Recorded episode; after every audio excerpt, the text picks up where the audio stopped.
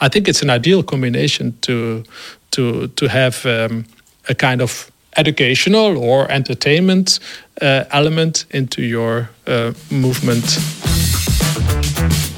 Energy at Deme. We're all getting older, dear listener. I hear you gasping, but it's true. The goal is to maintain this for as long as possible under the best conditions. Nutrition plays an important role, DNA is important, and regular physical activity is the key to a longer life. But why is this so important, and what role do our muscles play in this? Let's ask our podcast guest of today, Wim Derave, professor physiology at the University of Ghent. Wim, I take my 7,500 steps daily, so I'm guaranteed to live 100 years, or is this uh, oversimplifying things?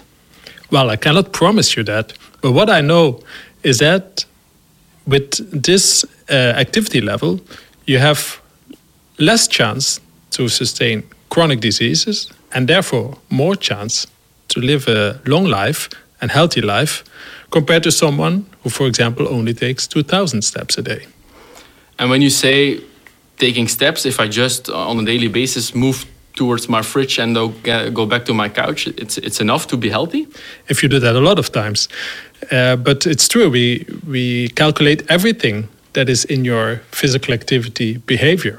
So whether that is uh, intentional to, to exercise or to sport, or whether that is just part of your household or your um, professional activities, that doesn't really matter. It's your body that has to be active, and we calculate the total amount of that over a day. We, we used to talk about the 10,000 steps norm, uh, uh, but I already hear uh, left and right that it's, it's a myth and it's not true that you have to take 10,000 steps. What's, what's your view on this?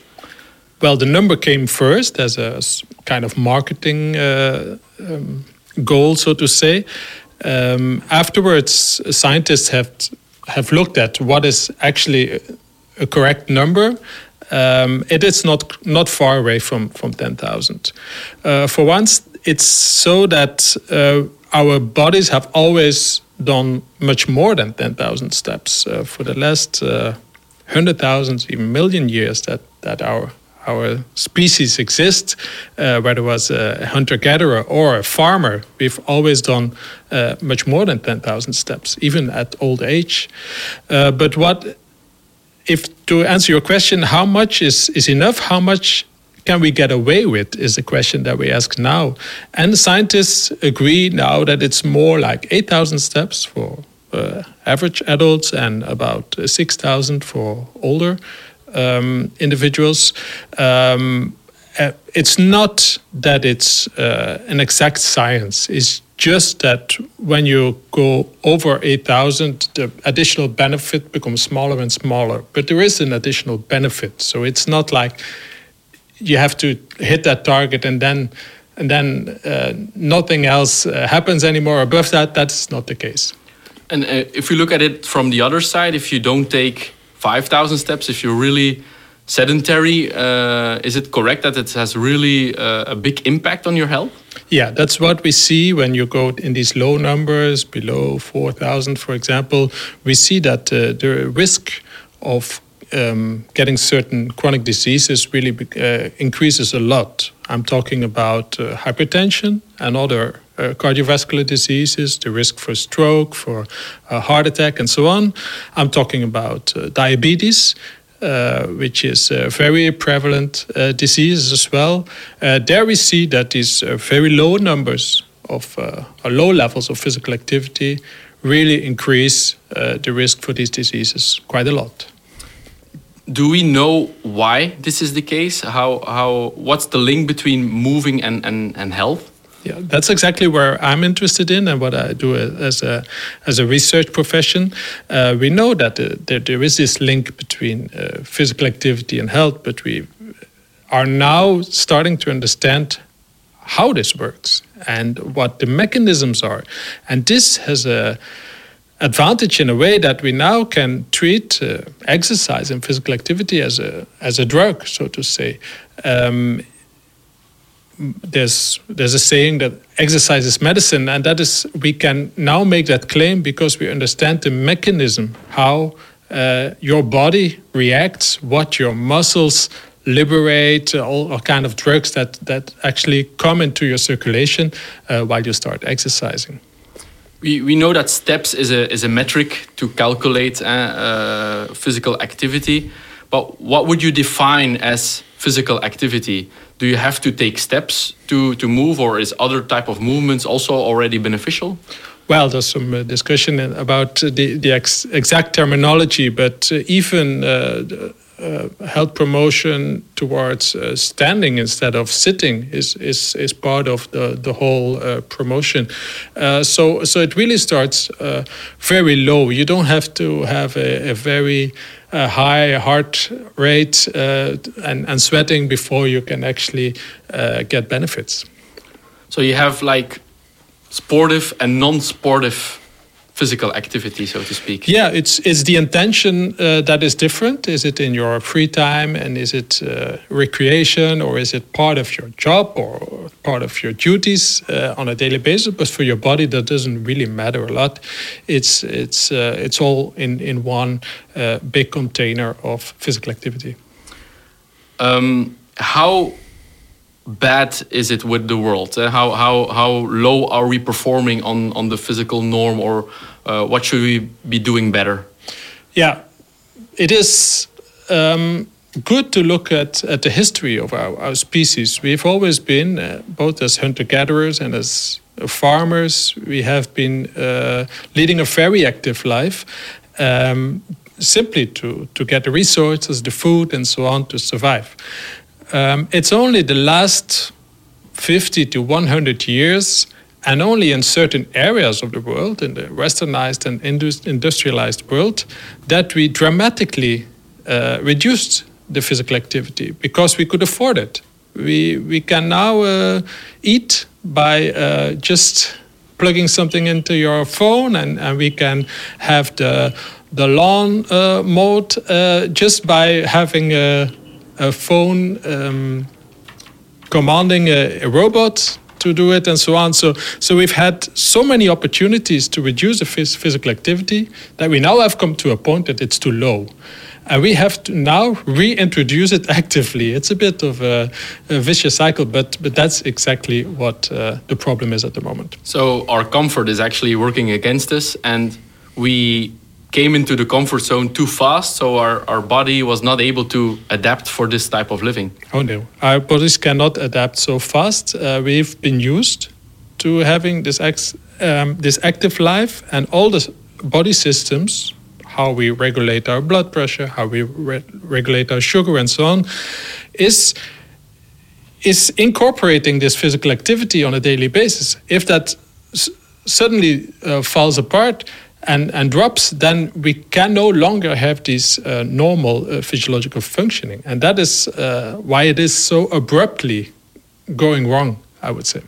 Well, yeah, you talked also about uh, the health benefits and like the, the decrease in risk of diabetes.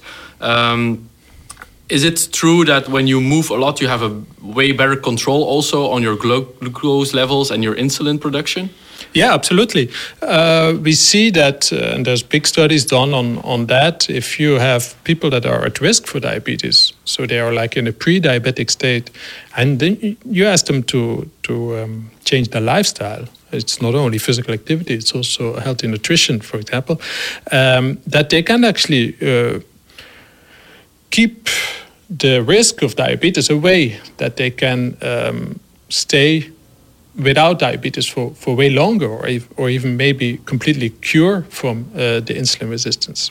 That's a very interesting point of, of viewing at uh, looking at it and, and uh, seeing exercise really as a as a, a, medicine and to, to cure a lot of diseases that we are faced with today. Um, and also interesting to, to hear that we actually spoiled our bodies too much, which is working against us. Um, we, we often see that already there's some people trying to, to work on their health uh, and, and to look better and they go to the to the gym, but they use their car to go and uh, they come back with the car and then afterwards they they're they're sitting down in the couch. Uh, is this still beneficial? Do you think, or are yeah? Do they have to listen to this podcast to find out that oh, already moving towards the fitness is is beneficial? Well, every every uh, motivation to do it if you want to look better uh, if if you it's about your body image it's also a good it's also a good reason to move.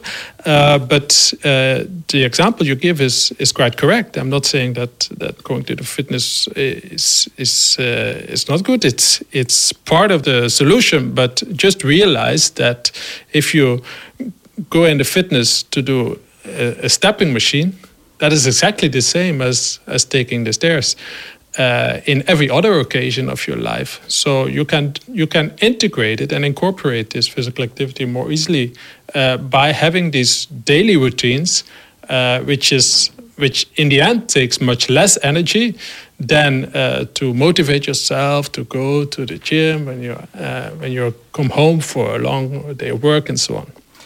It's uh, it's uh, interesting to to hear Wim, and uh, I think it needs some reflection on what you do on a daily basis, and uh, and then look back. Did I did I move today, or was I sitting down all day? Can you give some insights, some practical insights on how you cover your day and make sure that you move enough? Yeah, for example, for me, I don't use these activity trackers or step counters or so on, but okay. it can be a good feedback system. Uh, I, I did realized this, for example, in, in the corona pandemic, where, um, yeah, I, for the first time, really came into a situation where my, my life was way too sedentary. Uh, and then these these uh, signals can can give a good feedback. Okay this is really not okay. You only did 1500 steps and and, and it's already in the evening. Uh, so sometimes that can help this this feedback.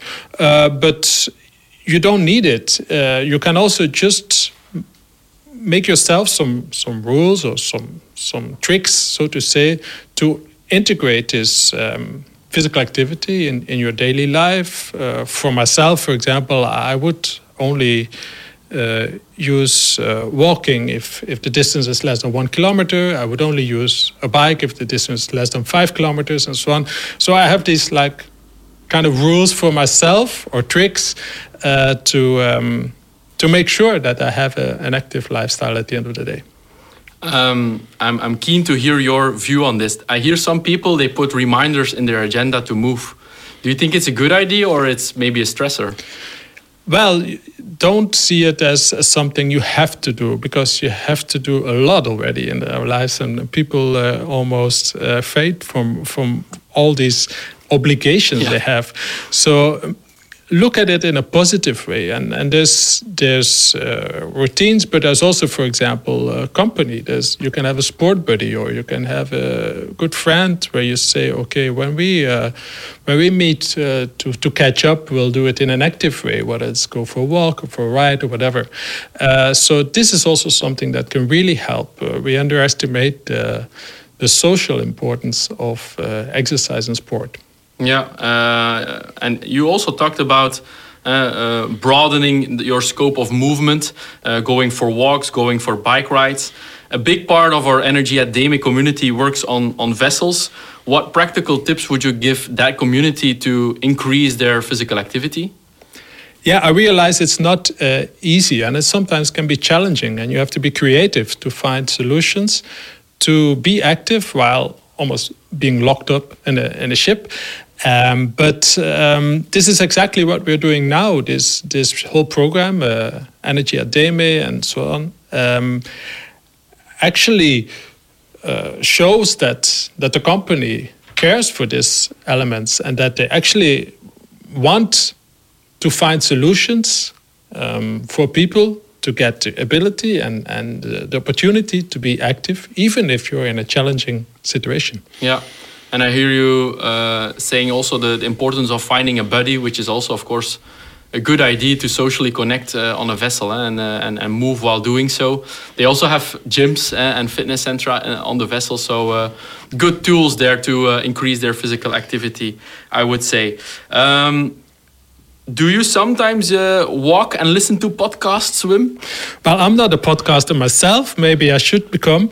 Uh, I bought myself some AirPods. After today, you for sure will. Yeah, maybe maybe I, I will do it. Um, but it's it's really uh, a good combination, I think, uh, because it allows you, especially if it's like low intensity activity like uh, walking and, and cycling and so on. I think it's an ideal combination to to to have um, a kind of educational or entertainment uh, element into your uh, movement and uh, activity tradition. Um, thanks a lot for uh, for those tips. Um, to summarize, can you give us the the big why? Why physical activity is is so important? Eh, if you have to pitch physical activity, what would your pitch be, Wim? Well, the thing is that our body is so used to being active that we struggle if that falls away. And initially, we thought that it's only for like classical diseases like uh, diabetes and, and, cardiovascular disease and so on. But now we start to understand that it's for much more. We didn't talk about that, but also, for example, for cancer and for dementia, um, there's now quite strong evidence that uh, an active lifestyle can be preventive and curative for these diseases. Um, so this is a first element. It's really uh, a broad scope of chronic diseases, and it's a strong and, and, and powerful uh, intervention. The second is that when trying to reinstall activity in your life uh, which we now have to do because we, we cannot get away with uh, such a passive life. Uh, try to make, for example, um, choices that are integrated in your daily life. So you don't have to force yourself to go to some kind of activity, but they are part of your life. That is that is uh, a second. A third, like we said, if you have a, a companion or a social um, kind of trigger to to be active, that is always working, right? The fourth is that um, choose something that you like. Don't see it as an obligation. Uh, if you don't like to do walks, don't do them. If you if you like to to run for a marathon, do it. So so whatever option that you choose, do something that you like, and you don't have to stick with one thing. Sometimes it can require. Uh, learning new sports, for example, and then uh, the kind of the joy comes with it. For myself, I'm now uh, starting to learn tennis uh, at, the, at, the, age of 50, just because I think it's a fun sport to do for the next 20 years uh, as a lifetime sport. So, so, challenging yourself, finding new ways of moving. Yeah, be creative yeah. and and uh, don't do something that uh, is is taking energy. Take something that is giving you energy. And then, um, yeah, the last part. I would uh, I would really recommend if you do, for example, uh, challenges which which can work. Uh, listen to your body. Listen to the signals of your body. Um, you don't want to get overtrained. You don't want to get uh, injured by uh, um, too much load on your on your joints and so on. So listen to the signals of your body so you don't uh, get adverse effects of yeah. exercise. I, I, think also the, the beauty of your of your story, Wim, is that it's it's for everyone. Uh, it's not for a select group. Uh, so moving is, is is for everybody, uh, so to speak. Absolutely thanks a lot for these uh, wonderful insights. I already feel the urge to start moving more. Um, and let's uh, let's end this podcast with a powerful uh, quote: "To be physical active, Wim is simply healthy." Thanks a lot, uh, Wim Derave, for uh, for your time and uh, for your insights. Thank a lot uh, for our listeners for your um, attention, and uh, I hope you learned a lot today. If you want to find more inspiration and uh, hear more about all the initiatives that we are doing, look at Energy at Deme or find our podcasts at Deme on Air.